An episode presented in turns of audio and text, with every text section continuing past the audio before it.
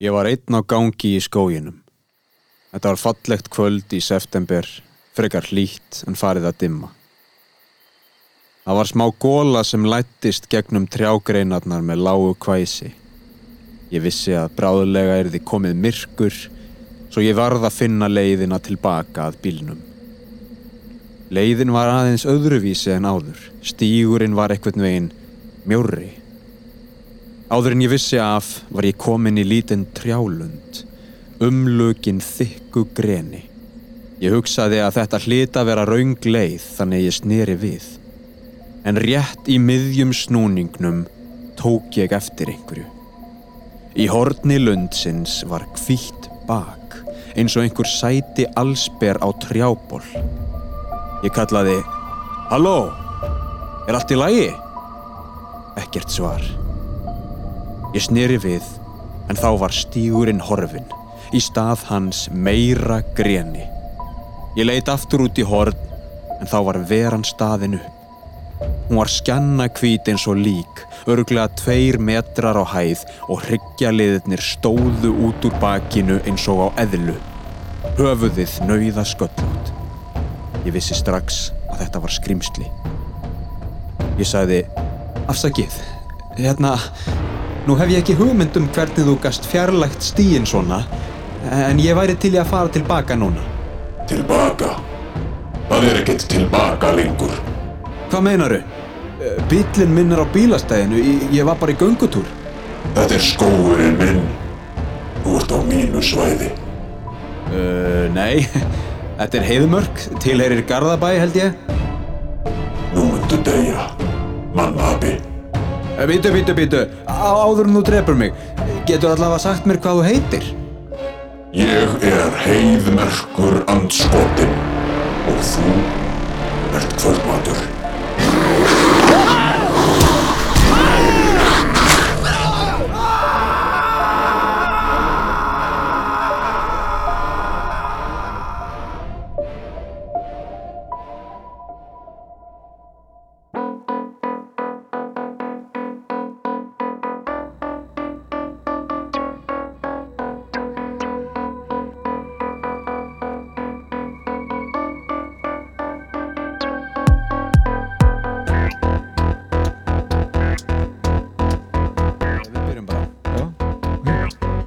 Verið velkomin í þátt nummer 13. Uh, hingaði komin góður gestur, Helgi Grímur Hermansson, verður velkomin. Takk hérlega fyrir að fá mig. Það er uh, Sviðs höfundur, uh, leikstjóri, sviðslista maður. Já, já, prakkari, uh, hérna, og hérna, sonur, Sónur. stóri frendi, litli bróðir, um, nágrani, Nákvæmlega. formaður húsfélagsins. Er það? Já, Vá. ég held ég sé ekki að standa með fullkomlega en ég er einmitt besta. Það er sem sem skiptir þetta máli. On the record. Yes, sir. Við erum komin hérna saman í dag til að um, ræða sko skrýmsli, Já, ófreskjur. já, Ég hérna, einhvern veginn fannst, fannst mér svo forneskja væri hluti af þessu. Já, allavega svona í sko, þessari tveggja til þryggja klukktíma rannsók sem ég fór í gær Aha. þá var það klálega fornaskjan sko Forneskjan. uh, og svona gamlar hugmyndir sem hafa svona kannski svona, svona loða en la, loða en við þú veist hvernig við uh, hugsum um, um lífverur og, og kannski uh, al, al, alheiminn Já. Þannig að þetta er svona sögulegt líka. einhver leiti sko Sko, já, við erum hérna, það, það sem er hérna áhugavert og það sem er svona áskorun kannski dagsins er að taka þetta sögulega samhengi sem er svona upprunni skrimsla sagna Já, annars vegar já, og svo skoða, þú veist, heimsenda sviðismyndir hins vegar. Já. Ég er nefnilega sko með, ég er búin að vera með svona smá mynd í hausnum. Mhm. Þess vegna er ég raun og veru, vildi ég stinga upp að þessu. Svona um, Hafið þið er mér afar hugleikið eins og um, mjög mörgum þessa dagana. Plastmengun til dæmis líka. Uh, hérna, og ég svona leiði hugum stundum að magnina plastin í sjónum og hérna og fyllist tryggð og hérna ég er með einhver svona mynd sem er raunveruleg domstags spá fyrir mig að svona af því að plast flýtur einhvern veginn mest, finnst mér. Með svona allavega flesta myndir, það sé maður bara mjög mikið að plasta yfirborðinu. Og maður veldi við fyrir sig hversu mikið að plasti komið á svona grunn svona grunn uh, og þú veist þá í djúpsjóin einhvern veginn. Og ég með einhverja mynd að sé eitthvað dýr í sjónum. Dormandi bara þúsund ár, skilur eins og allar þessar góðu sögur eru um eitthvað Mhm. svona dýr sem er svo eitthvað svona huge skrimsli sem er bara með kjaft að starfi með hana hattan borga eitthvað og það, það er í dvala og einhvern veginn, að einhvern veginn ég veit ekki alveg hvernig það sopnaði en einhvern veginn hefur það sofið bara og, og það verður vakið við það að lítill plastbóki svona svífur niður á nefið á því Mhm. einhvern veginn, þegar það bara komið það mikið af plasti að það bara komið allstæðan einhvern veginn það ratar einhvern veginn alveg beint honni í dýpsta sjó Mhm. eh, sem að er til á jörðinni sem hefur ekki verið rannsakaður Mhm. beint hann hefur það skrýmslinu þetta er alltaf mjög bíómyndalega sena. Og skrýmsli svona vaknar. Og svo bara hver stórborgin við sko hafnar strendur á annar er bara kappadá, kappadá bara jétin að því að skrýmsli vaknaði. Og við erum líka að tala um sko skrýmslið er svo stórt Já. að það tekur svona korter fyrir augun að opnast Já, já, já, þetta er sko rosalega hæg, hægfara en hættuleg vel, sko, Já, já, algjörlega. Þetta er svona eiginlega svo loftsteinn við svona vitum það tíu árum áður en það gerist. Já, það er ekkert hægt að gera í sko. Það er ekkert að það Það er gerist bara, það er ekki sens, sko. Jesus maður. Þetta minnir mig á sko eitt frægasta skrýmsli e, veraldar frá og með setni hluta 20. aldar. Já, þetta er loknisin, eða? ég er ekki að tala um en svipað samt sko, ég er að tala um uh, hið góða Gojira Godzilla? Já. Já, já, já, já, já, það var náttúrulega svona forneskjulegt sko sjávarskrimsli sem, sem lá í dvala í Kyrrahafinu. Já, þanga til ákveðinir bandarækjumenn þurftu auðvita að fara að prófa vettnissprengjur út um, út um hérna, allt sko Kyrrahafið.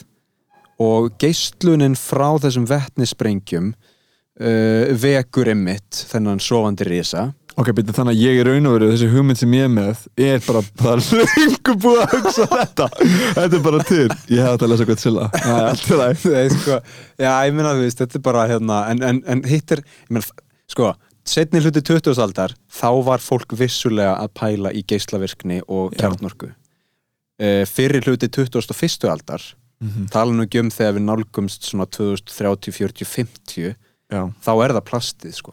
Já, hvað verður það hefur, sko?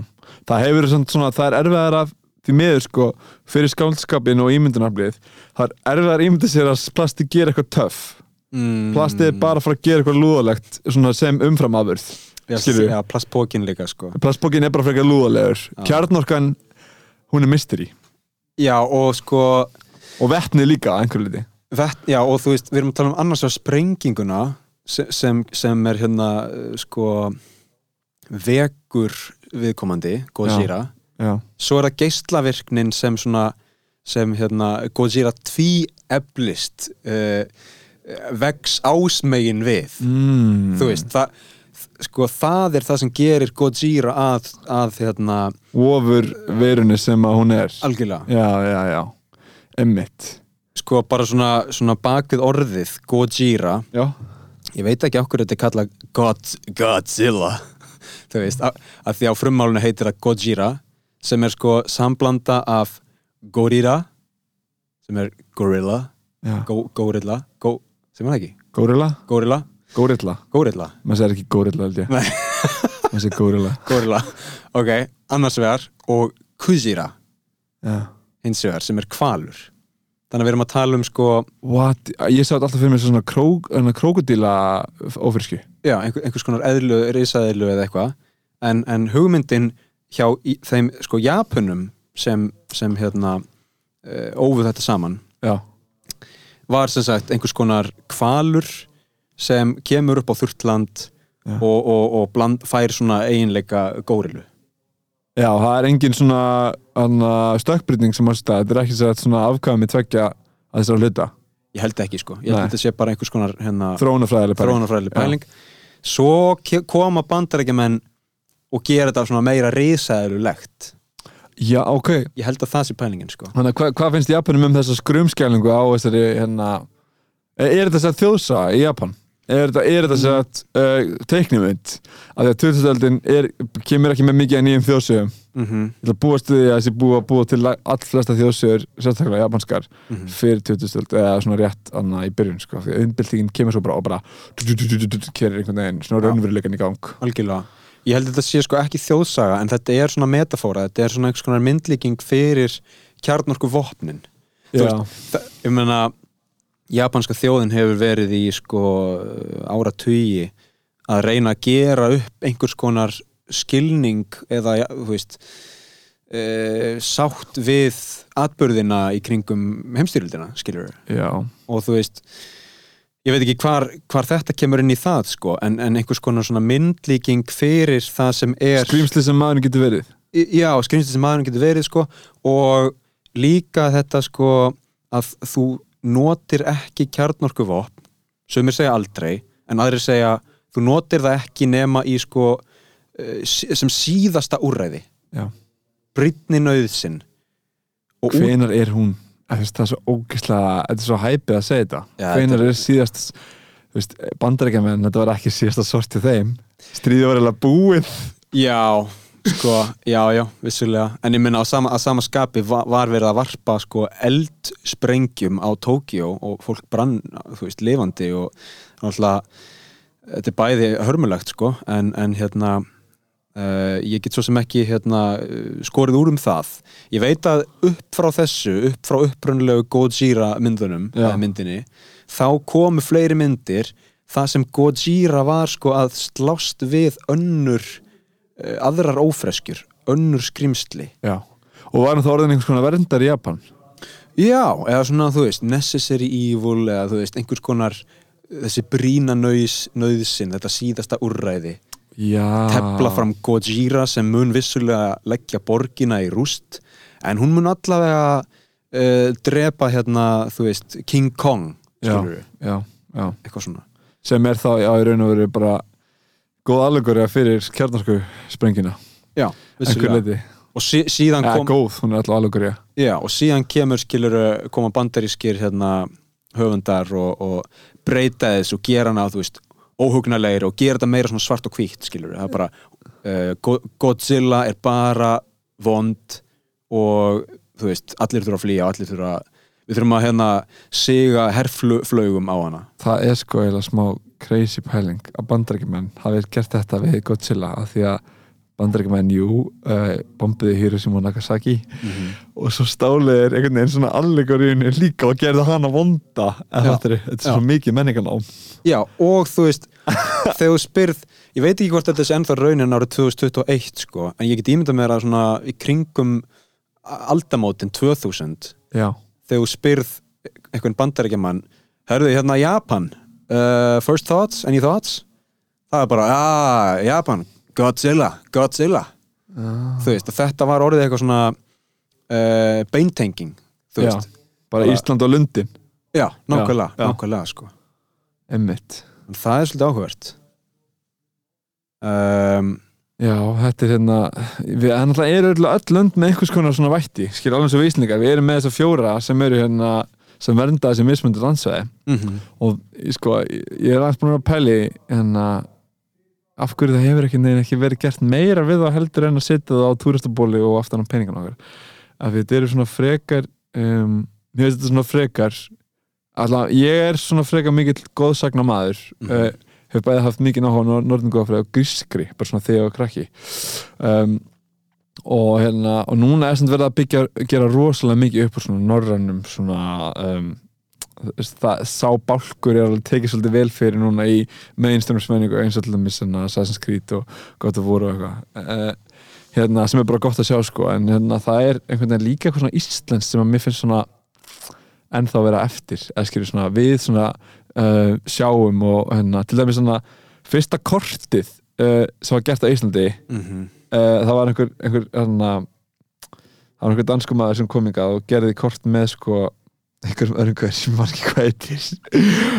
Þetta var sko kort sem var gert árið hérna uh, ég sko fór á svo mikið Google Stefan bjö, bjöguð kortin sko. Já, já, já, byrju, Þessi upprunalega. 1570 uh, ég meina hann var samt, þetta var samt pældi þetta var einhverja teikning, þetta var einhver hugmyndið það. Að hann var eitthvað, að þetta er 1595 hérna Abraham Ortelius teiknaði þetta eftir teikningum Guð, Guðbrands biskups Þorrókssonar um, hérna sko þetta eru mjög nákvæma teikningar af vestfyrir til dæmis já, já, já, já, já. Þetta er svona, þetta er klálega bjögun en pældu í því árið 1600 að geta teikna land bara mjög eða svona frekar, þetta er svona, já, þetta er sirka Ísland Já. skilur en það sem er áhvert við þetta kort er, það eru svona 20 ófreskjur á þessu korti líka og þetta er svona hekla uh, verðist vera einhvers konar inngangur að helviti sem svona uh, var frekar á, lengi svona eitthvað, eitthvað einhver svona ramkomind á meginlandinu sko, en hérna þessar, þessar ófreskjur eru rosalega áhverjar sko. Og svona, svona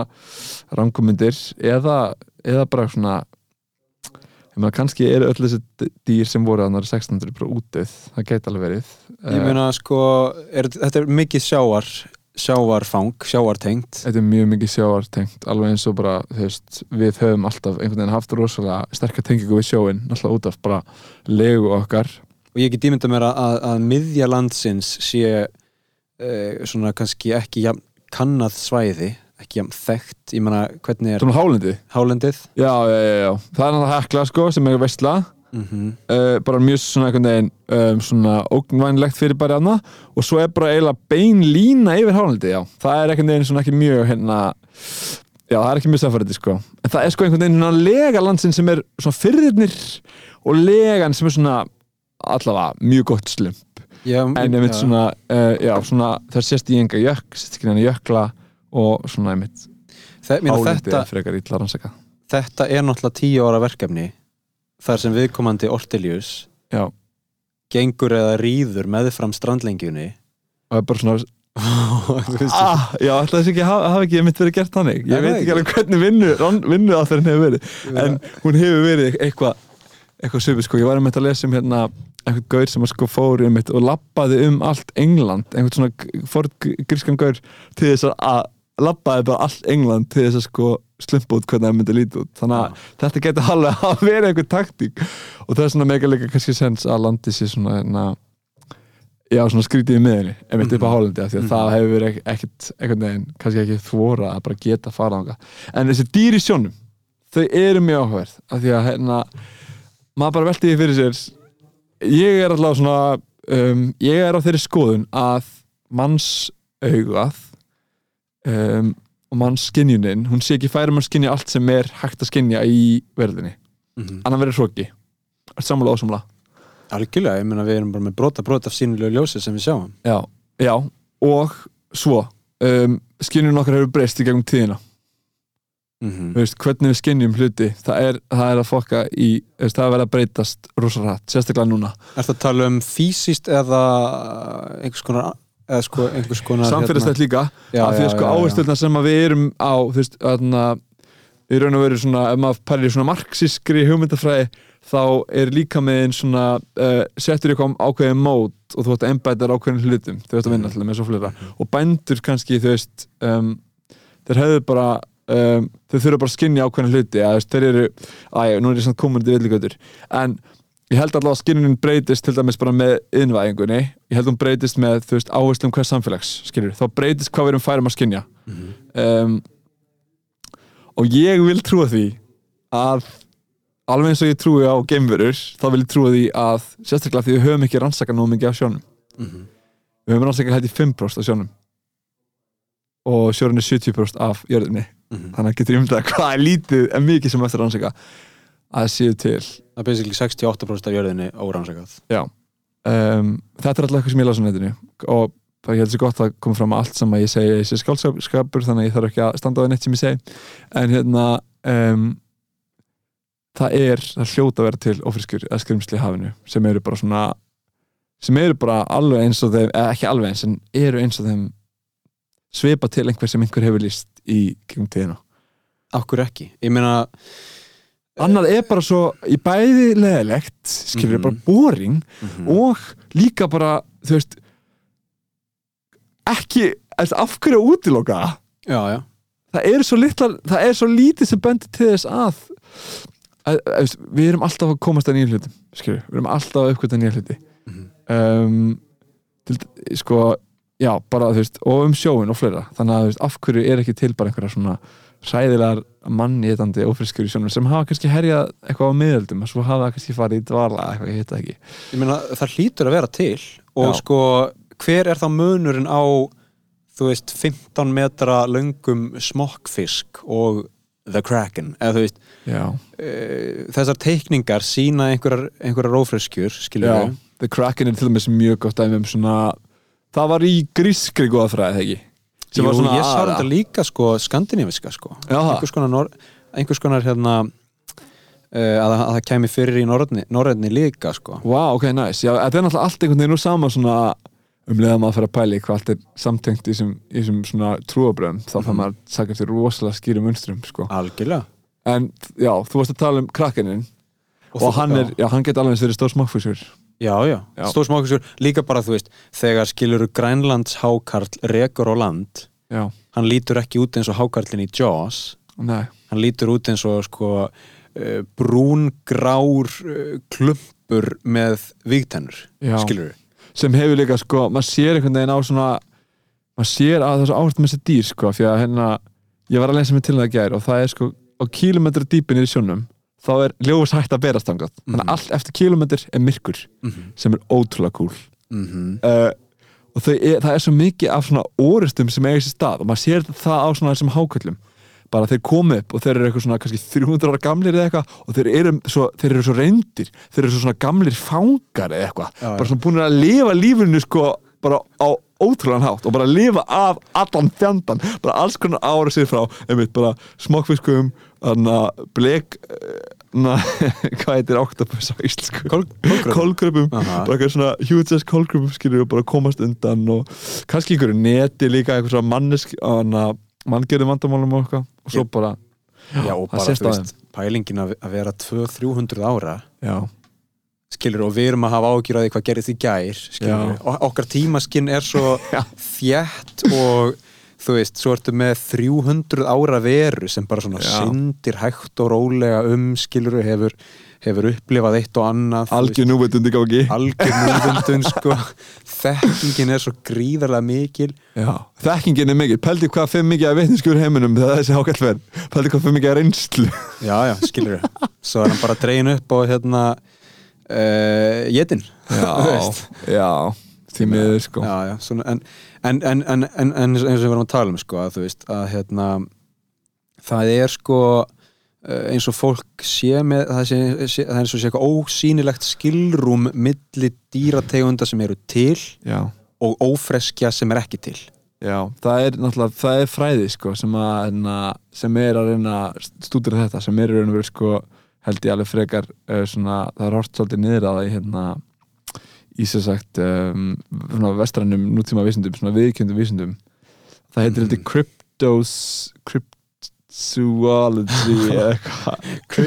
Eh, það er eitthvað cryptozoology það sem er raun og verið svona duldýrafræði heitir þetta já, já, já, já, já. Uh, já, þetta er í raun og verið svona það kallast pseudoscience.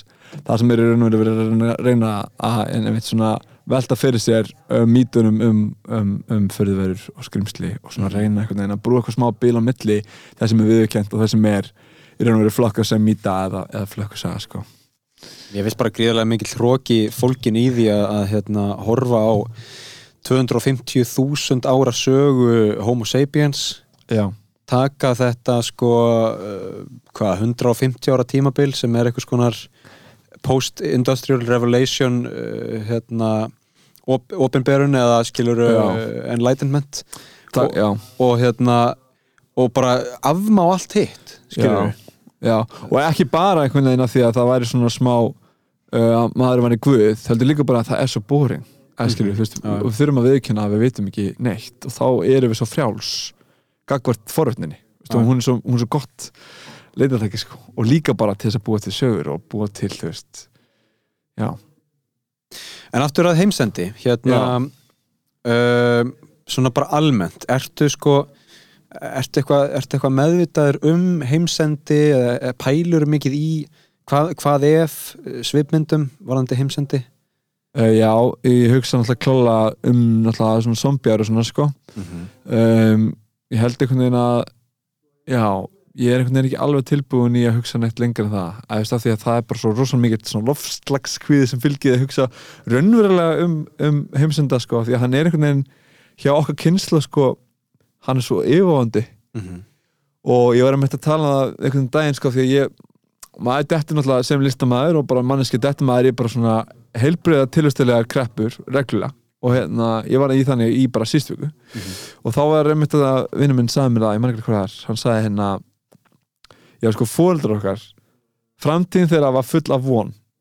Það var einhvern veginn svona, þú veist, Ísland var að uppleið sem samfélag, þá voru þú veist svona rótaka breytingar, svona feminiska byltingar, mm. skilur við erum að tala um einhverja hérna já, bara einhvern veginn velvæðing var að fullu einhvern veginn svona, það, það voru svona draumar. En framtíðin okkar er eiginlega öfugt. Þú veist svona framtíðin sem er búin að vera imprintið í okkur núna svona á okkur svona þessum síðustu mótunar árum sérstaklega svona 18 til 25 sem eru svona kannski svona síðustu svona heavy mótunar árin þá er búið imprintið í okkur. Um, vonleysi uh, svona hérna máttleysi og, og yfirvóðandi svona uh, hnignun. Hnignun mannsandans hnignun alls það er verið sko það er búið að umtutna einhvern veginn svona stefninni, það grafið er að fara niður. Já. og hérna, þannig að það er rosa ef maður á að horfa á heimsenda með svona raunsægjum augum nútímans, að þá er hann svo það er svo stutt í hann og það er svo lítið í gangi. Uh, að, já, maður þarf einhvern veginn að horfa á hann í hugmyndarfræðilegu, eða svona í svona ímyndunarfræðilegu ljósi og þá fer maður að pæla í zombjar og svo það er þetta alveg svolítið gáðan já, já. til dæmis, já, ég held ég myndi fyrir bústað sko, ef ég myndi lendi zombjar ás en ég er ekkert búin að hugsa um það ómikið sko. Nei, ég er sko ég er sammála, ég held að hérna svona út frá einhvers konar raunsægi eða út frá svona rökhugsun já, að pæli heimsenda, hann er ekki nógu póetískur sko, hann er ekki nógu þú veist, áhugaverður, þetta er bara svona hægt og rólega siglir skipið fram af uh, bjarginu, skilur fram það er af alltaf myndinni sem er svona máluð í dag sko, Mhm. svona einhvern veginn það er, kaftöðnin er sofandi Mhm, og við fljótum sofandi að fegðarósi mhm. uh, og það er ekki væp sko. Nei og líka sko mér finnst áhugavert hérna, kannski er þetta bara mín eigin skoðun en þú veist COVID af einhverjum uh, óutskýranlegum ástæðum gaf manni einhvers konar sko afsökun fyrir að vera ekki að pæla í uh, hnattrætnin hlínun á meðan á því stóð. 100% eitthvað svona þú veist uh, ég get ekki tekist á við meira en einn heimsendi einu þannig að hérna já, 100% sko. Það veist. fór allir að sofa með, með eitt orðavörunum og það vöknu allir með sama orð. Já. og það, það var í raunum veru bara mjög góð eða þú veist mörgum, margir þjáðist náttúrulega auðvitað uh, fyrir það sem að hafa það gott þá var þetta góð frestun á þessum hinnum vandamálum. Uh, hérna en já, ég held að, já, bara við erum ekki færum, við sjáum það líka bara í þau svona, í, sjá- sjáum það líka svona í svona byltingar umræði, skilur, það er aldrei pláss fyrir Ísrael-Palestínu nema í svona tvær vikur og svo tekur önnu krísa við. Mhm. það er bara ekki, það er ekki meira rom það er ekki meira vinsluminni í heilanum okkar heldur en bara fyrir x mörg vandamál. Og þess vegna líka kannski er þessi hérna, heimsendir sem að við erum að lifa í allavega samkvæmt hérna vísandumennum heimsins uh, hann er bara svo hann er svo yfir gengilega stór. Mhm. að það er einhvern veginn rosalega erfitt að, að þú veist, og fyrir okkur hérna litla fólkið bara hvar á maður að byrja? Á, ég ætla að flokka og þrýfa glerið mitt og einhvern veginn. Já, já, og misvísandi upplýsingar. misvísandi upplýsingar, já. Þú þú veist, hérna, ef við öll leggjumst á eitt og flokkum þá hérna, verður allt Já. betra og ef við borðum kannski bara 50% minna kjöt eða, eða bara hérna, ekkert kjöt á miðvíkudöfum eða eitthvað svona. Og svo segja aðrir, það skiptir engum máli. Þeir eru bara dropi í hafið hérna, þeir eru bara stórfyrirtækin sem skiptir máli eitthvað svona. Og, og hérna, mann fallast hendur og maður bara svona ræður ekki alveg við þetta. Og, nei. og þá, þá kannski komið aftur að þú veist, þessari skinnjun sem við varst að tala um. Já, út af því að skinnjunin okkar er svo, svo, svo breytt út frá uh, svona skertri aðtigli og þrengri hérna, uh, minni tímaramma þegar kemur að aðtigli já, og, og á sama tíma þorsta í svo mikið upplýsingum. Já. óútskýranlegur þorsti þú veist, nú erum við að tala í eiru fólks skilur í gennum podcast og ég er hérna hlusta mikið á podcast sjálfur. En Já. maður þarf að vera meðvitaður um það samt þegar maður ætlar ekki að gera það. Já. Hvað minnur með þetta þegar maður er ekki að gera það? Bara til dæmis þegar ég fyrir út að hlaupa þá tek ég Já. bara ákvörðun um að vera ekki með nýtt í eironum Já, já, já, já, ég sko týndi herntólum minnum um daginn og ég er svona aðlagast rætt Já, já. og ég er kannski ekki að vinna í enn til að finna þau. Þannig ég ákvað bara eitthvað svona að prófa að taka einmitt góða mánuð eða eitthvað. Ég veit ekki hversu lengi endist ég, ég hjóla svolítið að hérna það er fartakið mitt oftast sundur bílinn og hérna, já, og þá svona hérna ég ákvað bara að leita ekki að þeim heldur að vera alltaf bara að hjóla Já. og það er mjög áhugavert með að við þetta stanslösa suð sem er í eyrunum sko. það er bara mjög hérna já, þetta er frískandi sko. En maður finnur líka hvað maður verður að fá eitthvað eitthva efni. Og maður líður svona smá sem maður sé að nýta tíman illa sem er svo ógæðslega pyrrandi hugsun í dag. Eitthvað að nýta tíman illa. Það er versta hugsunin sko. Ég, ég var mikið hérna, eh, þjakaður og kvalinn af þeirri hugsun uh, á mér um yngri árum sko. tala um svona í raun og veru svona ymbirða og ymbirða rétt og ymbirða mikið veist, já og líka outputið sko. já, já, já afkasta getan. Afkasta getan. Nú hef ég klukkutíma aflögu uh, hvernig get ég maximæsa hvernig get ég maximæsað? Hvað get ég gert á klukkutíma? Já, í staðin fyrir að setjast bara niður eða fara út í göngutúr eða bara þú veist, uh, gera ekki neitt. Já, það er gera ekki neitt sko. Endur að fullt af því sko Já, mjög gott um, Já, sko ok, við erum sem sagt hérna komnir aftur í nútíman svona einhverju leiti en, en hérna ef við, ef við förum inn í tímavélina og, og kíkjum aftur til uh, ársins ég veit ekki hvað uh, hvaðan heldur að skrimsli komi? Hvað, eða sem sagt þessi skinnjun, þessi hugsun já. Er það tala um hvaðan þau koma eða hvað, hvaðan kom í hausnum á okkur? um, Góð spurning Sko, tökum bara Ísland sem dæmi. Já. Og þetta kort til dæmis og þessar sögur. Já, ég hérna fann til dæmis að því ég man eftir dagatali frá ákveðnum banka Já, sem kom út árið 2016 já, það var skemmtilegt dagatali því leitinu til að hver mánuður hafði eitt skrimsli eða eina íslenska kynjaveru. Já Þetta er náttúrulega til sko skrimsla setrið á Bíldudal Já, sem svo- er sko mjög áhvert að sjá því að þar voru sko líka nokkra sögursagnir um hvert og eitt skrimsli. Einmitt, það er ekki, það er aldrei einmannski sem hefur séð þetta, það er alltaf nokkrar. Mhm. og lýsaðum líka svolítið svipað mm sem mann finnst mjög áhvert en fyrir ekki, hvað segja? Nei, og þar var eitt hérna sem ég man eftir. Fjörulalli Fjörulaldi, ég er búin að hugsa mann líka svolítið í dag. Fjörulalli um, þetta er eitthvað sem afi minn sem hérna elst upp á, á Hólmavík Já, Fjörulaldi var á vestfjörðum sko. Já, man bara eftir sko hann mann eftir að hafa séð Fjörulaldan Já, sko, ég veit það ekki en, en, en bara hérna ég, þetta barst ekkert um að tala hann, já, fjörulalli já, já, já, kannast við En hverju er þetta ekki? Er, af því hann er svona lallandi eða eitthvað? Ég held að þetta sé bara eitthvað sko, hérna, sem kemur frá breyttri notkun tungumálsins mm, uh, smá side note, nú er ég að kenna hérna ákveðnum sendiherra íslensku. Ákveðinu sendi þeirra? japansku sendiherranum íslensku. Það er ekki svolítið, er það ekki svolítið töffarlegt? að vera að gera það? Já. Af því hann er svolítið Já. svona, hann er orðin svona Já, hvað á maður að segja, heitasti sendiherra landsins. Já, uh, ég enda er ekki á Twitter en, en hérna en uh, ég meina það er bara mjög ánægilegt að vera að, kenna honum sko og hann er mjög Já. góður íslensku Já Hann er nýkominn. Duglegur að tjá sig sko. Já, hann er nýkomin til Íslands Hann og er ekki hættur að gera mistök á hann Nei, nei, nei, nei, og bara opinn og hérna er að læra sjálfur heima og svo, svo tökum við tíma sko. En, en þar komst ég að því að þá fyrir maður bara að hugsa um tungumál upp á nýtt þegar maður er að kenna það. Já. Það er einhvern veginn eiginlega alltaf sko þegar það eru tvö ell þá er það sko kall veist, það er það, já, já, nákvæmlega sko þannig að ég held að þetta sko lalli og hérna eh, malli og allt þetta sko þetta er kannski eitthvað sem kemur setna mér inn í tungumáli. Það kannski, er góða punktur sko. kannski er upprunulega uh, upprunulega framburðurinn Þetta er mjög samt uh, sko er, er sko rosalega sko svona suppulegt Þetta er mjög skrítið að tala í fjöru lalli lalli Já, það fyrir eftir hvað fyrir mikið að muna hann Lalli. Lalli En það er sérst að lýsing á hann Ég nefnilega sá bara, ég fann ekki þetta dagatalin Ég fann mynd sko af, af þessari síðu og þar er lýsingin svo hljóðandi. Já, Fjörulalli er ekki mannskæður en nærvera hans þykir þó geta haft slæm áhrif á fóstur Hvernig?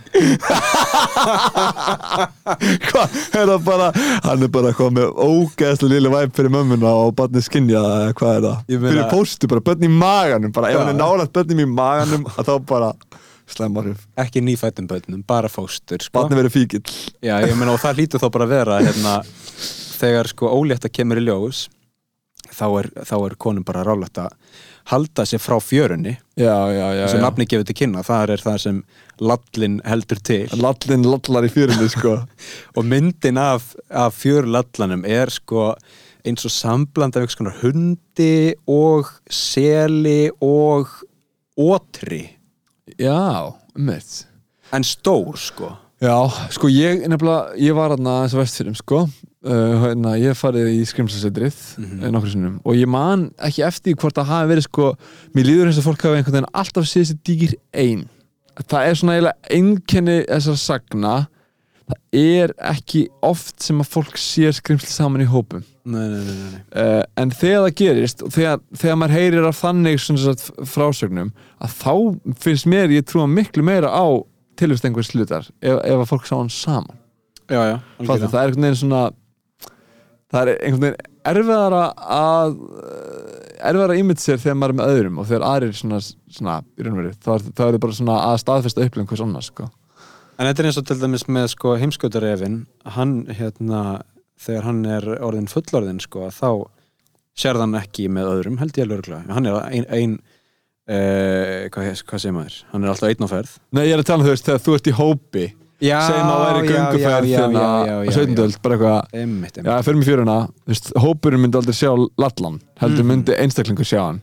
Er, er eina lýsingin um fjörulallan að hann sett, hafi slæmar hófastir, er það eina?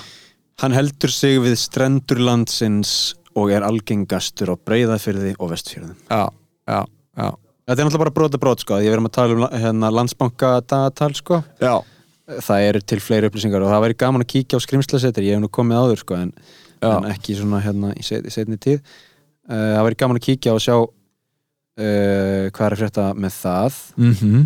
Hér er sko, hér er annað önnur vera. Nikur. Nikurinn, já. Með ypsiloni.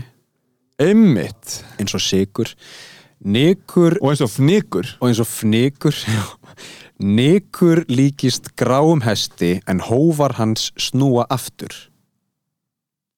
Hann býr í ám og stöðuvötnum en gengur á land til þess að tæla fólk á bak sér og draga það með sér í vatnið. Ó, þetta er svona okkar einn hafmega, sko. Það ekki? Já, jú. Hann syngur, hann Hneggir hann fallega, fallega. Öruglega og er með Nikurinn. sko mikið, mikið fax og Já. Svona hérna Ég sé hann fyrir mig sem svona græn Hann er svona grænleitur hestur með raukt hár, sko. Er það bara ég að? það getur verið sko. Raukt fax, segi ég. Skoskur. Já, svolítið skoskur, sko. En örgulega fallegur sko og ég meina ég held að segja ekkert meira creepy en að sjá hest koma upp úr stöðu vatni sko. Með öfuga hófa. Með öfug og hófa. Já, myndur þú hoppa bak? ég, ég meina hann hlýtur að geta tælt, tælt mig einhvern veginn. Já. Já. Þá er hún nú heppin að vera komin í engabílin Til þess að vera í raun og veru það óstyrk í því að fara upp á bak að við bara vitum betur. Já, já, já, við bara, við erum einhvern veginn ekki og það er engin, það er engin svona hérna, hvað segja, aktíi það er engin aktíi Og- og engin söðull og... Já, ekki neitt sem að hérna, þarf í, reð, í reyðtúr Nei, fyrir utan það, þá held ég að þú veist innan við 0,2% af Íslandingum sé með einhvers konar reyðmennsku á bakinu sko Það er kannski aðeins meira. Ég held að segja fleiri sko. Ég held að leynist sko að leynist hestamaður á, í alls konar sko fylgsnum. Ég, Já, til- já. ég til dæmis uh, ég fór reyndar ekki á Hesbak ég, ég, ég, ég fór Hesbak sko síðast 2018 eða eitthvað en pappi er hestamaður. Ok. En þá, þá er ég kannski líka með svona smá hlutrækni í umræðina þannig að það getur verið að sé færra Já, ég. veit ekki, ég veit að það eru eitthvað kringum 80.000 tross á Íslandi sko. Það er rosalega magna sig sko. Það er rosa hrosamagn sko Já, og, rosa, rosa magna fleiri erlendis.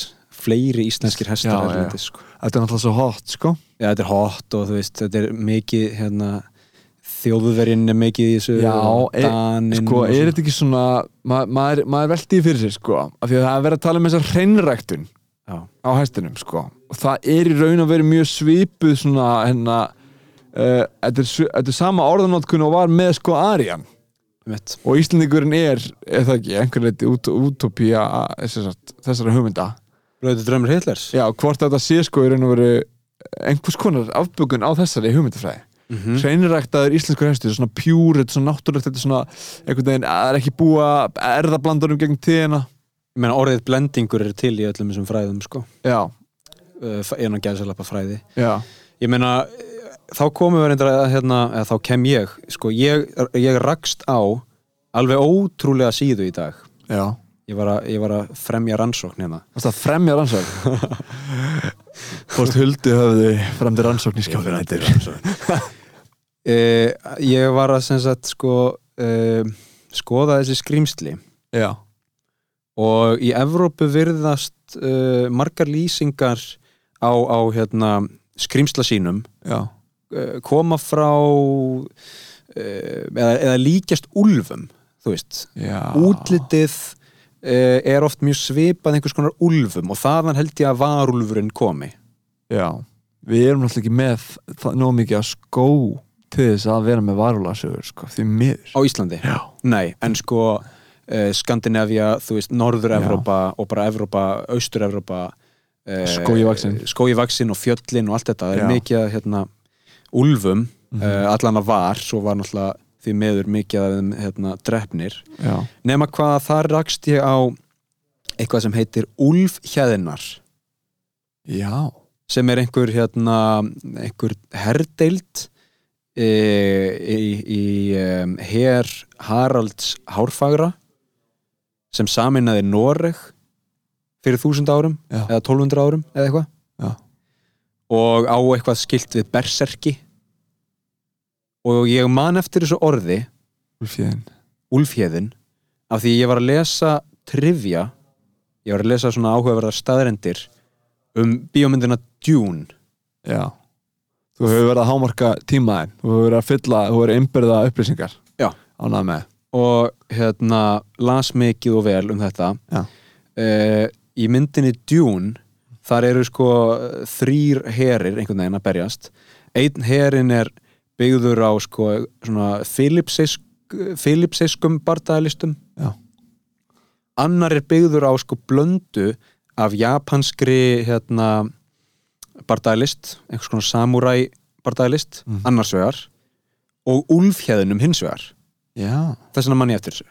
Ok, gott og vel, og svo ætlaði ég að fara inn á okkur á Wikipedia síðu og lesa mér til um úlfhjæðina Já, nema hvað þá finn ég bara einhverja norska síðu sem heitir, þú veist, úlfhjæðinar og ég held að ég hafi bara stömblað á eitthvað sko svona, hvað heitir það? Svona, nei, eitthvað svona hérna, últra hægri sinnað Nei. Skilurðu? þetta er, þetta er alveg ótrúlegt hvað þetta lið er að segja sko það er hérna Já, þú fannst einhverja síðu á netinu sem að vill helst ekki koma stað nei, ég ætla ekki einu svona nefna hann á nafn sko því að hérna, ég hérna Þú, þú þarf að stoppa flow ég þarf að stoppa flow sko, en, en þetta er ótrúlegt og hérna, þú veist það, það er verið að bera fyrir sig alls konar steipu í, í sambandi við hérna, erðafræði og ég veit ekki hvað og hvað þetta er þetta, þessi hreinræktur sem við erum að tala um sko. Já, þetta er, þetta er, þetta vafasamt sko já, og 2021, þetta er bara ennþá að frétta sko. Já, já, hreinækturinn er sko einhvern veginn hún er, hún er bara en þá svolítið uh, fólki huglíkinn sko en Já. fyrst að þú ert að tala um svona að þessar, þessir öfgahópar þeir tala svo mikið um hérna þeir, þeir eru svo mikið í norðni góðfræði að það er svo, svo leilt að sé að taka Já. það er svo áhvert að, svona, að eigna sér einhverja, einhverja þú veist svona einhvern svona menningarheim og, og nota hann til, til, eitthvað neikvægt sko. en hérna, að því þú spyrja maður um heimsendi og, og hvað ég hugsa um hann ég, sko um, það, það, það sem mér finnst áhugaverðast við heimsendi fyrst að það er svona koncept hlaðarsins er að flest trúabröð eru með innbyggðan heimsendi í sér einhver leiti í norðinu góðafræð erum við með hérna bara Ragnarök einhvern veginn sko en, en það í raun og veru sko það er svona bara núlstilling Mhm. af því að svo koma sko svo koma hittast þau öll aftur á íðavöllum Mhm. til þess að sko byggja upp heiminn á ný. Sko deyja er ekki vanir sem taka við? Jú, það er eitthvað þannig sko. Uh, Ég man það ekki alveg, en svo er það líka í sko hérna í kristintrú, þá er það ofinberuna bókin þá fer allt í fjandas eða ekki? Þá kemur basically annar surtur og með eitthvað eldsverð held ég, og er bara að haka fólki spað ég las þetta bara ofinberuna bókina sem Hauliku Dagsson Já, já. en ég held að hún sé samt ég held að hann hafi verið svona, hann hafi verið stráng giftur bókinni, hann hafi verið ekkert skálda held ég sko. Nei, nei, nei, nei, sko fyrir áhuga sem að það var hægt að kíkja á þátt nummer 10 af heimsenda þar sem við hérna tökum þetta eins fyrir ofinbörunabókina sko. Já, ofnbæra bókina hans hugleiks eða alvöru ofnbæra A- alvöru sko. Bókina, og þar er hérna, ég meina þar er Satan að koma niður frá himnum Mikael Erki Engill er að kasta honum niður frá himnum. Hann er í líki rauðstreka Mikael? Nei, Satan? Sataninn sko. Oh, Tíu höfuð. Vá. Uh, held ég að lögregla eða sko, já. En hvernig er þetta með þú veist hérna um, í bútisma, veistu það? ég þekki það ekki sko en ég held að þú Það er meira enduníun, það er miklu meira sko, það er miklu meira circular economy sko, á fólki og, og verum Já, bara einhvern veginn endalist flakka á sig sko. Kannski er ekki innbyggður svona destruction button þar, ég veit það ekki. Nei, og ég menna að þú veist uh, allir þessir heimsendir í sko allan hennum vestrana heimi virðist alltaf vera, eins og þú segir, þetta reset dot sko. Já, uh, svona total nuclear war allsherjar kjarnorkustyrjöld. Já, mjög líklegt að einhverjir myndi lifa það af en það er náttúrulega væri algjör heimsendir og, og hérna, alveg ómögulegt að, að, að búa á jörðin eftir það já, nei það er, ég held að það sé rétt hjá þér ég held að kannski er, er trúabröðin að segja okkur það að það er alltaf kannski hægt að tólka það úr þeim að í raun og veru sama hversu mikið stríði fyrir mig mm -hmm. Ragnarök sem er bara hjútstríð Mm það verður alltaf alltaf einhver eftir til þess að aðtaka til og byrja, á nýtt Já. hvað eru hérna, eldgósa hvera bakteríur í, neðan, í neðansjávar hérna, dýpi að fara er, er kjarnorku stríða frá áhrif á þau? Muni þær þróast áfram? Já, öruglega eða þeir eru búin að lifa við 200 gráðu hita síðan að sá hiti myndaðist bara af hverju myndaðir ekki gera það áfram? Já, líka bara hérna fiskarnir og, og, og lífverðunar í eh, hvað var það, undir þúsund metrum í Já. sjónum. Já, sem eru sko sjálflýsandi Já. Það veist, þau, það er sko bara af hverju er ekkert startup búið að kanna hvernig fiskarnir eru sjálflýsandi þetta niður frá sko það er sko, ó, ég var að horfa á YouTube í gera á svona tíu þetta YouTube er svo mikið veistla þegar maður veit hverju maður er að leita og maður er ekki eitthvað, ó, ég ætla að skoða hérna eitthvað, Ertu búin að teipa yfir hægri hluta skjásins það sem er svona suggestion? nei það er einhver startup hugmynd ja. Nei, ég var bara að fá þessu hugmynd núna sko, það það getur gott að ég er alveg háður því að klikka á sko, suggested, næsta vídeo, sko. já, já, já En hvað segir þið? Nei, sko bara hérna, ég var að horfa á þetta vídeo og maður er bara holy, þetta eru magnaðar lífur sem búa þetta niðri og þær eru, þú veist, það sem maður kemst að þegar maður pælir smá í sjónum, þetta eru svo tveir jörðin, landið og sjórin La- landið er líka lagskipt í alls konar einmitt, sko, vist, vistkerfi og allt það. En sjórin er sko 70% heiminum og hann er, að, veist, þetta eru bara tveir ótrúlega mismöndi heimar. Þetta eru ó, og, og lífverðin sem búa þarna það eru svo ótrúlega öðruvísi og svona og fallegar og, og, og ég var að hérna ég var að skoða í gær eh, sko það var einhver svona vísindamenn frá hérna frá hérna einhverjum skóla í Kaliforníu sem voru að tala um sko hérna það er raun og verið sko það er einhver fiskur eða einhver svona einhver, einhver, einhver dýr og það er, ekki, það, er, það er ekki ennþá búið að ná að sko herma eftir orðunum í svona, í svona hérna, eðlisfræðilegum svona Simulation? Svona, já, já, já, hermun hann er ennþá veist, hann er ennþá mystery hvernig hann reyfi sig Mhm. og ég hugsaði bara gott flott, við erum ennþá með spurningar einhvern veginn að því að við lifum á tímum þar sem að það er svona virðist vera einhvern veginn svar við öll og það er svo fáranlega þreytandi Mhm. Og svona þú veist það er einhvern veginn svona Google er búið að kortlíka allan- heiminn og fyrir fólk sem vill búa í ævintýrum þá er það svo ótrúlega búring að vita að það sé ekki einhver ein eiga eftir. Það sem það býr dregi eða eitthvað, skilur Mhm. og ég held að það sé líka ekki rétt. Ég held að, bú, eftir, ég held að einmitt, þetta með sjó, sjóin gefur manni von um uh, það er eitthvað ennþá eftir að rannsaka það er eitthvað mysteri hana úti. Mhm. og það fyllir manni svona af fórhætni og þessi svona rannsókn mín svona bæði ekki fórnöldum að því við höfum, sjórun hefur verið okkur hugleikin og hann hefur líka, hann hræðir okkur líka. Mhm. og hann hræðir allavega mig. Ástæðan okkur ég hann að bæði um að spilta Mario lag er af því ég var alltaf langkrættastur í þessi borði Mario. Ok, af því að maður þarf að halda inn andanum og maður þarf að ná í peningum til þess að halda lífinu sinu annars þegar maður. Mhm. og þegar maður synti út af í Mario þá kom fiskur að borða mann og ég var ógeðslega hættur kannski er þetta eitthvað svona kannski er þetta eitthvað svona hérna svona frum svona uh, svona genetísk kræðsla af því að fórföðum mínu voru sjómenn eða eitthvað skilur Mhm. þetta Mhm.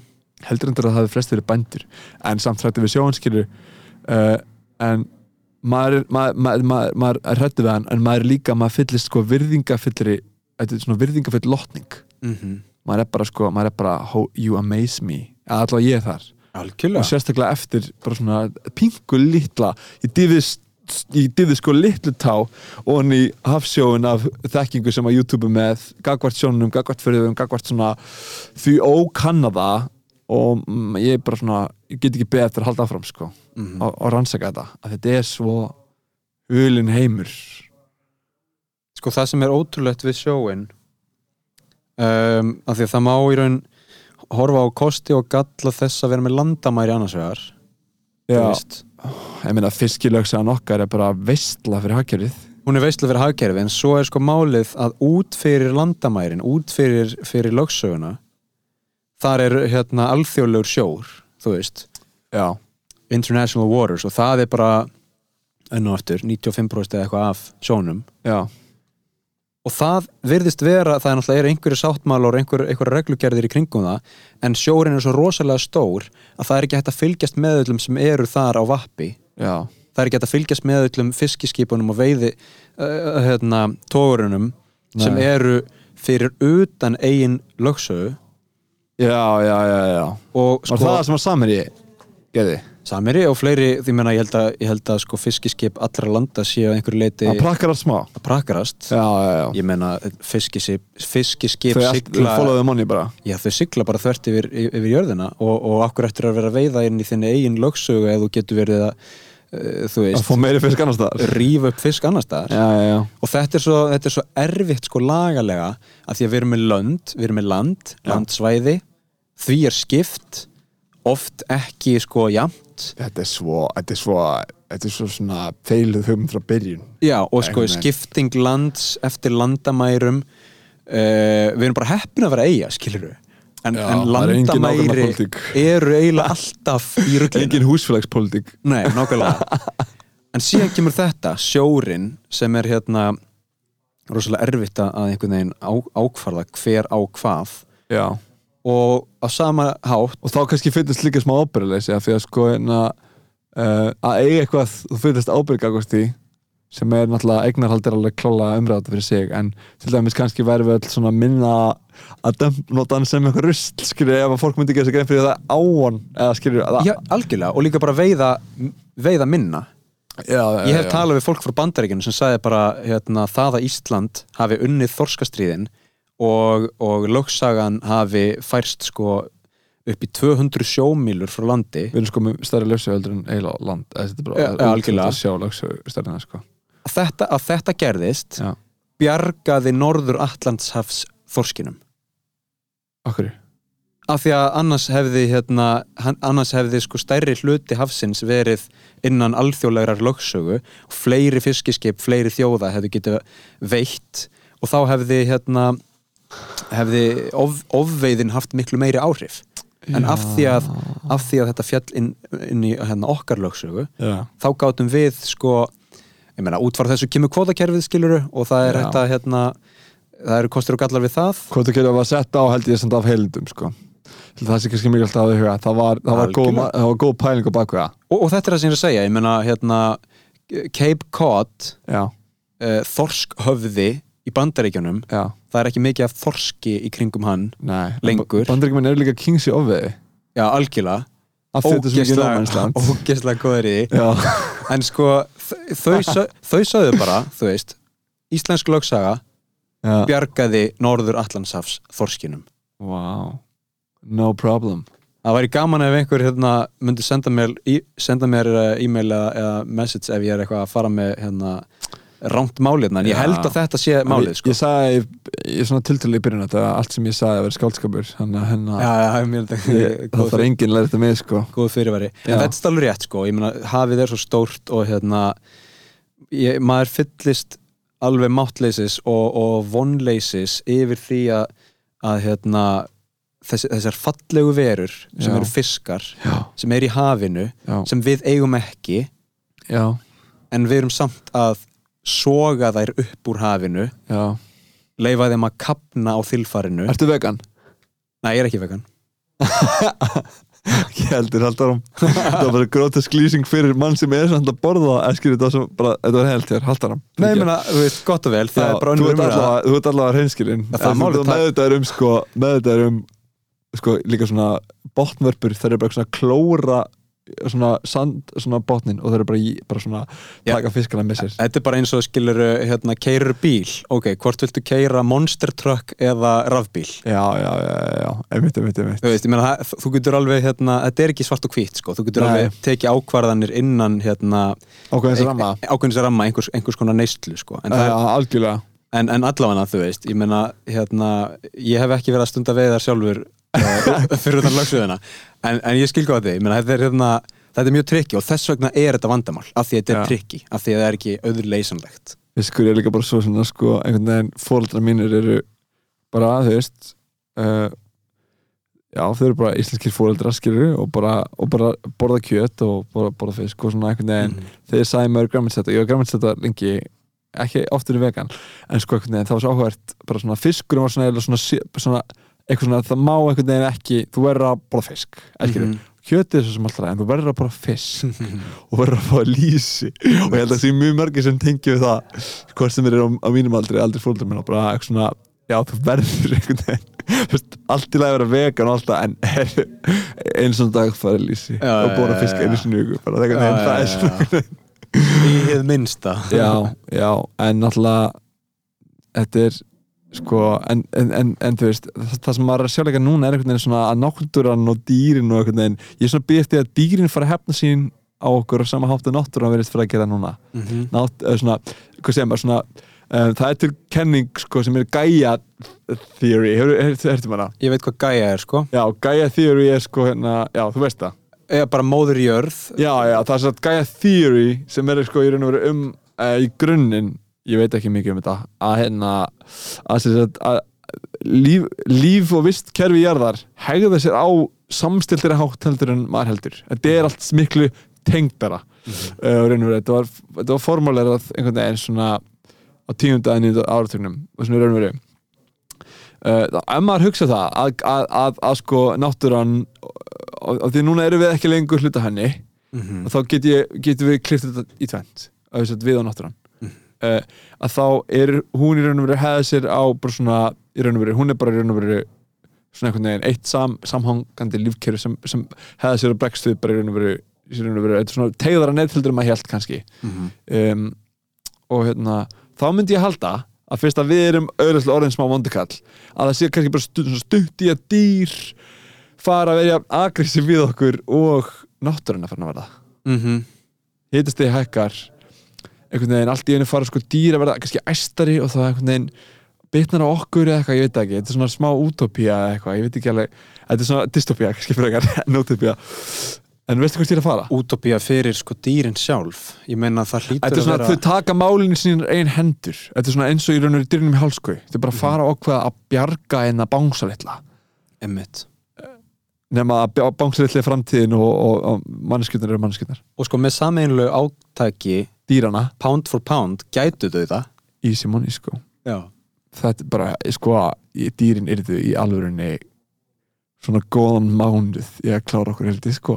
Já, já og þú veist með hjálp lífvera og sko uh, örvera og hérna Þú hefur náttúrulega, hefur heyrt um sveppin sem að hérna sest í heilabú maura og leta þá klifra upp í tré? Mm Já, hva, hvenar fyrir það að gerast fyrir menn?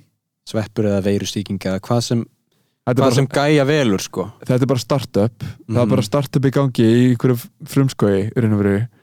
við erum að, erum að tætina frumskói ykkur skilur þetta er líka, þetta er önnur svona mýta sem við tengjum ekki við en sem verið svona í hjarta frumskóarins Mhm. eitthvað villidýr þar skilur og þetta er svona Pandora's box að það er bara eitt högg, eitthvað eitt tré sem er tréð sem stjórnar einhvern veginn öllu eða það veikur einhvern anda Mhm. og þá fer allt í fjandans fyrir okkur fattur hvað ég er að tala um?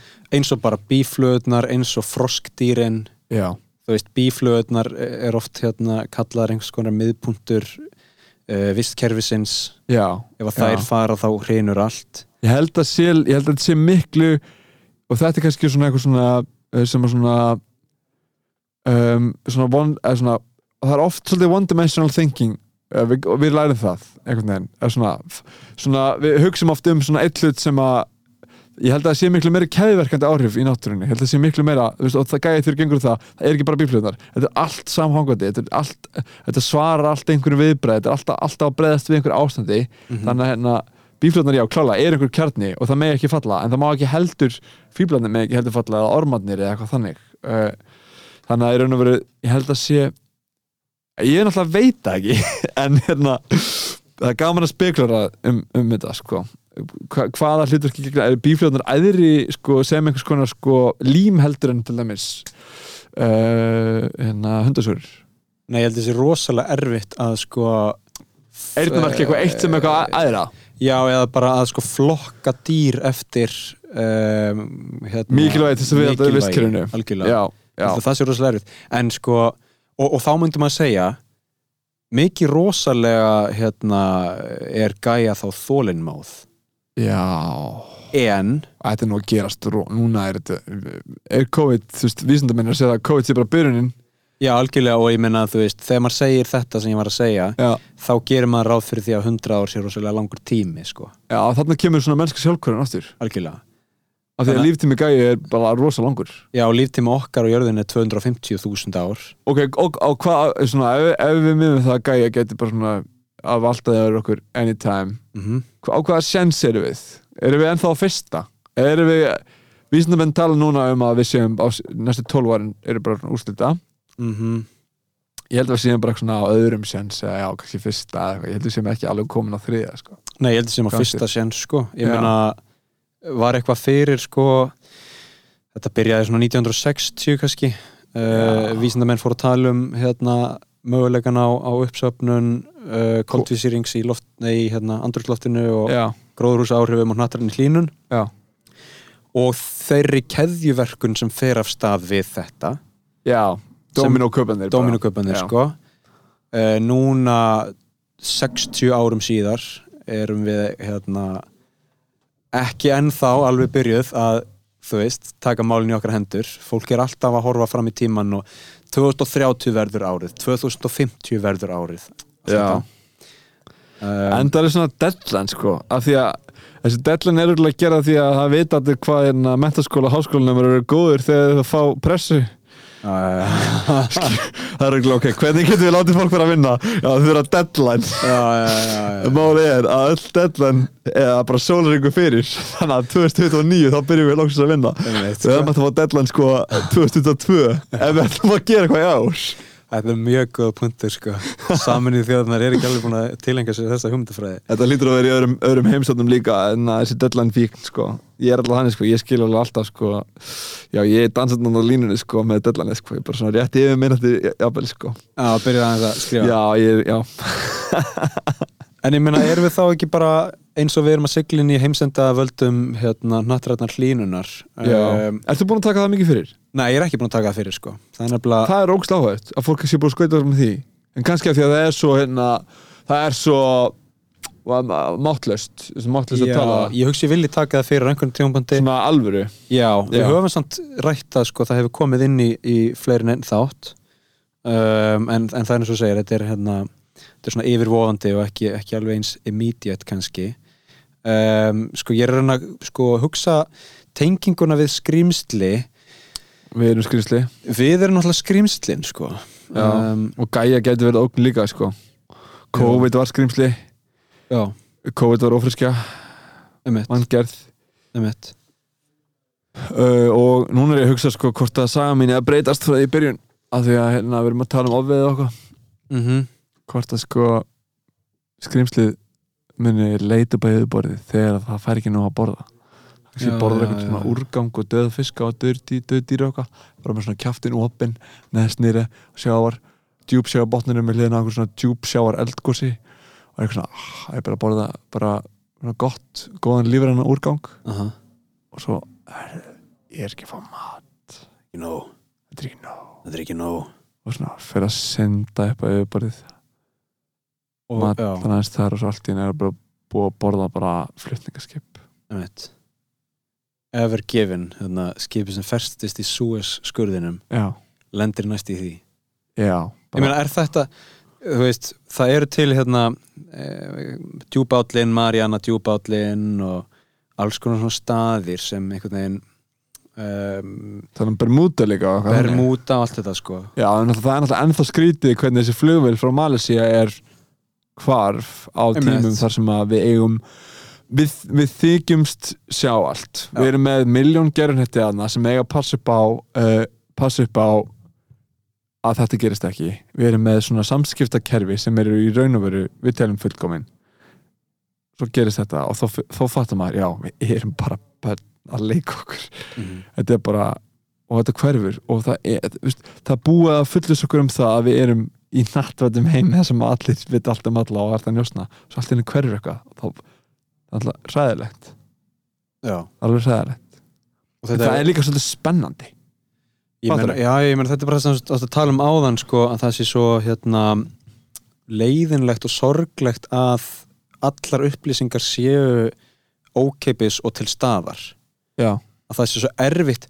Þú veist uh, þú, getur ekki, þú getur ekki orðið Indiana Jones lengur nei það er ekki það, það er ekki sko en svo er samt held ég fordlega fyrir ennþá bara í fullu svungi sko, ég held það í alvegni já, pottið sko og áuruglega meira erindi jafnvel núna heldur en, heldur en áður. Út af hlínun jökla og alltaf þessu að Já. það er að fara að leysast alls konar læðingi þessu í köllu það, já, en herðu, það er til sko Instagram síða svo við hérna dembum okkur aftur inn í heim uh, hnattvæðingar og samfélagsmeila sem heitir Secrets of the Ice sem fjallar um sko fornleifar sem koma undan jökli.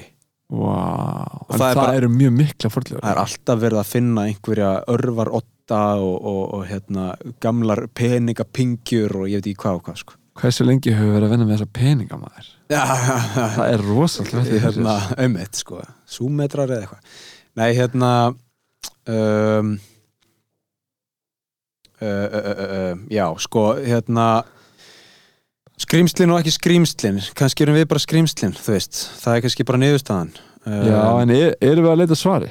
Erum við að spurja Nei, nei, og þetta er allt, þetta er allt í þróun. Já, eitt sem ég ætlaði að koma inn á varðandi þetta sko að, að uh, ef við viljum finna eitthvað nýtt ef við viljum uppgötva eitthvað já, þá þarf það að vera einhvern veginn eigði eiga út í kyrrahafi þar sem einhver ótrúleg dýrategund fyrirfinnst. Eða þú veist, Já. skilur þau, hugsunarhátturinn er svo mikið og sko, það er svona hræ svona af skrifnum dýrum alveg svona floti á einhverja strendur vestanhafs og eitthvað sko. Já, já, já, já, en ég er að segja bara svona okkar mannlega skinjun já, er svo mikið sko 0 eða 100 já, skilur það er annarkvort uh, ég, ég ligg upp í sófa ég skrolla Instagram já. og hérna ekkert gerist Nei. eða ég er mættur á eyði eigu í Kirrahafi og ég finn hérna Tasmaníu hundin Já, það er ekkert svona, það er ekkert æfintir bara fínt. En svo hef ég nefnilega lent í bara svona fínum ævintýrum. Já. Til dæmis fyrir, fyrir tíu árum þegar ég var í Tókjó Já, um, allar mína dæmi með sögur í þessu hlaðar fjallum í Japan, notabene.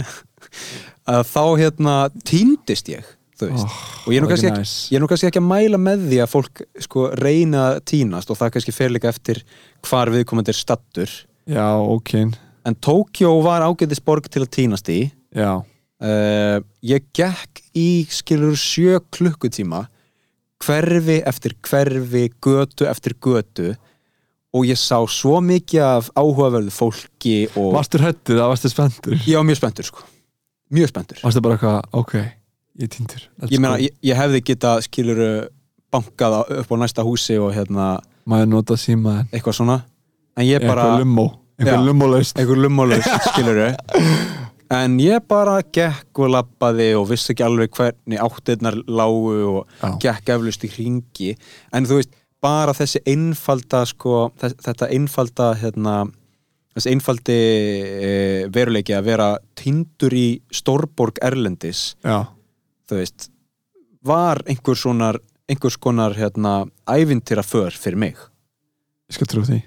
Og, og hérna ég held að, þú veist, eins og við segjum þú ert á hjólinu þú Já. berst við að vera ekki með eitthvað í eyrunum. Það er Eh. sem ekki, það, ég berst ekki við það.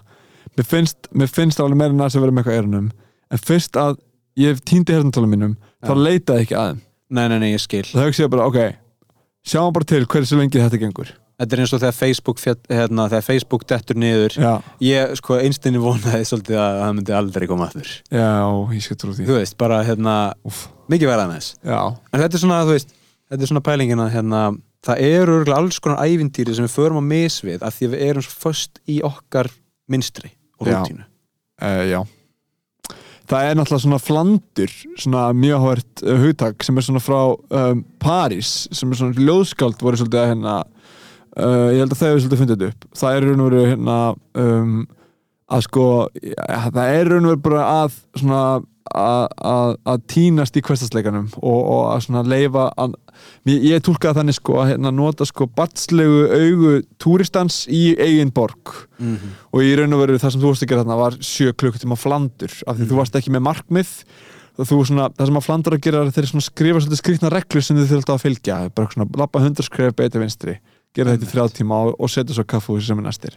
Skilju svona í raun og veru að, svona gaggjert tínast eða gaggjert að upplifa nýja hluti nýja staði í höfbökuninni það er bara svona svolítið erfitt held ég einmitt í Reykjavík að upplifa þetta. Bæða því að maður er fastur í mindsetinu að vera hérna já, maður er fastur í að fara í skólan og heim og þetta, rektina, þetta, skiljum, maður gefur sér ekki tíma til þess að tínast í sjö tíma. Mm -hmm.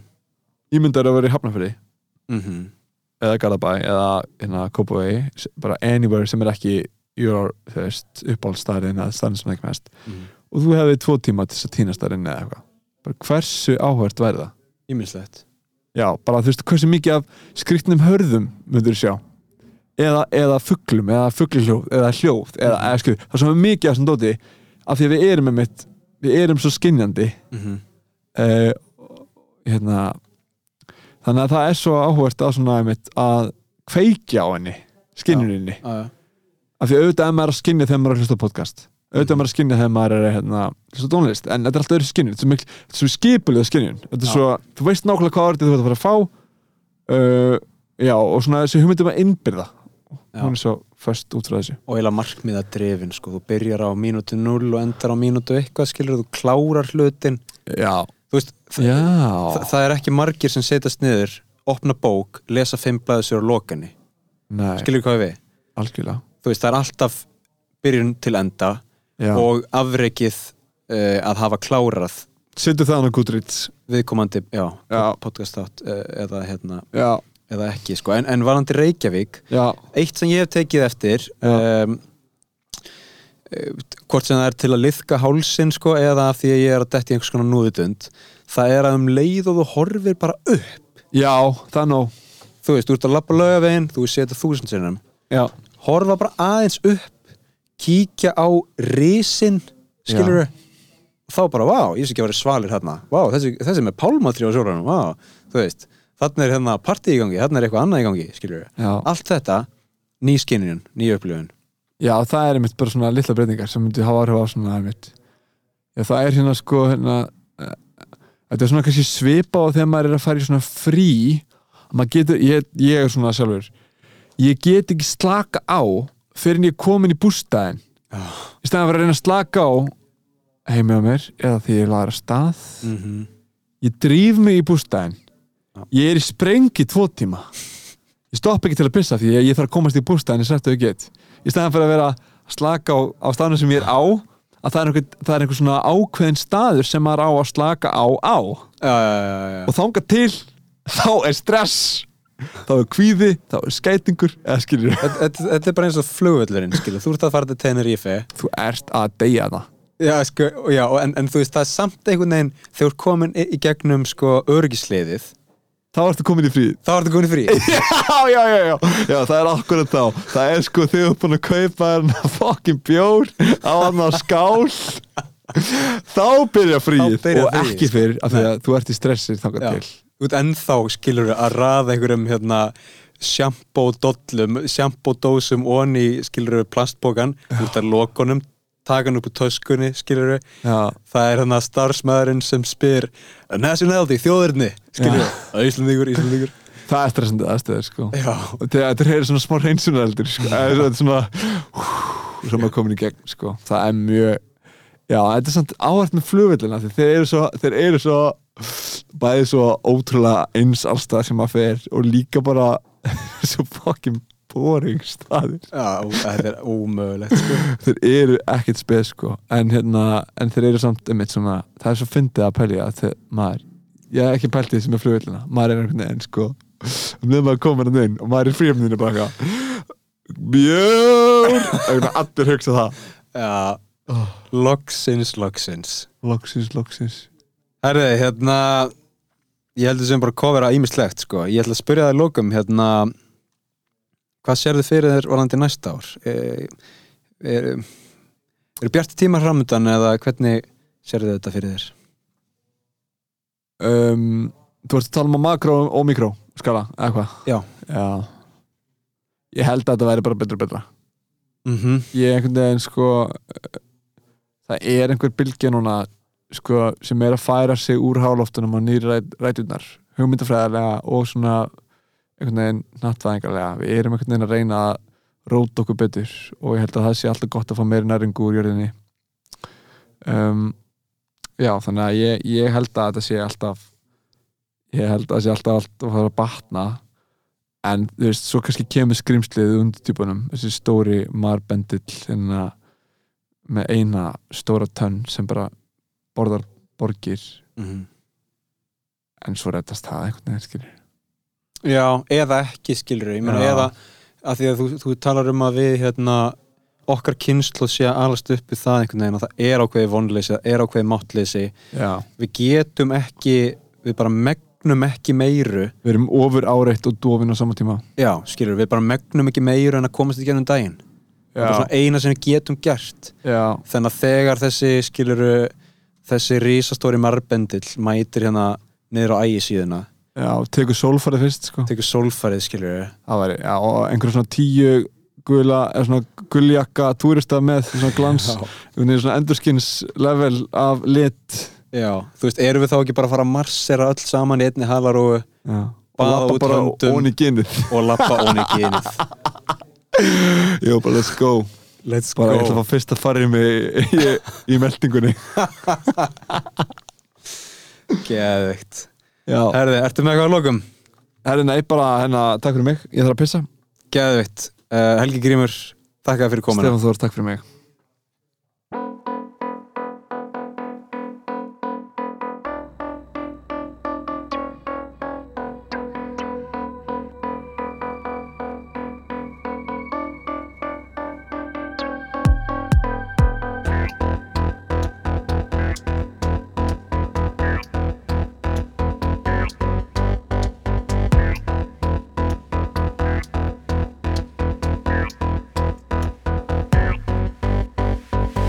Kæri hlustandi, takk fyrir að hlusta.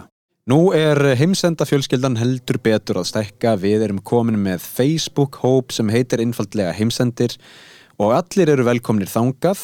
Þar er hægt að eh, varpa fram pælingum eða skoðunum, eh, hugmyndum að umræðu efnum eða viðmælendum eða bara hvað sem er sem tengist heimsendi.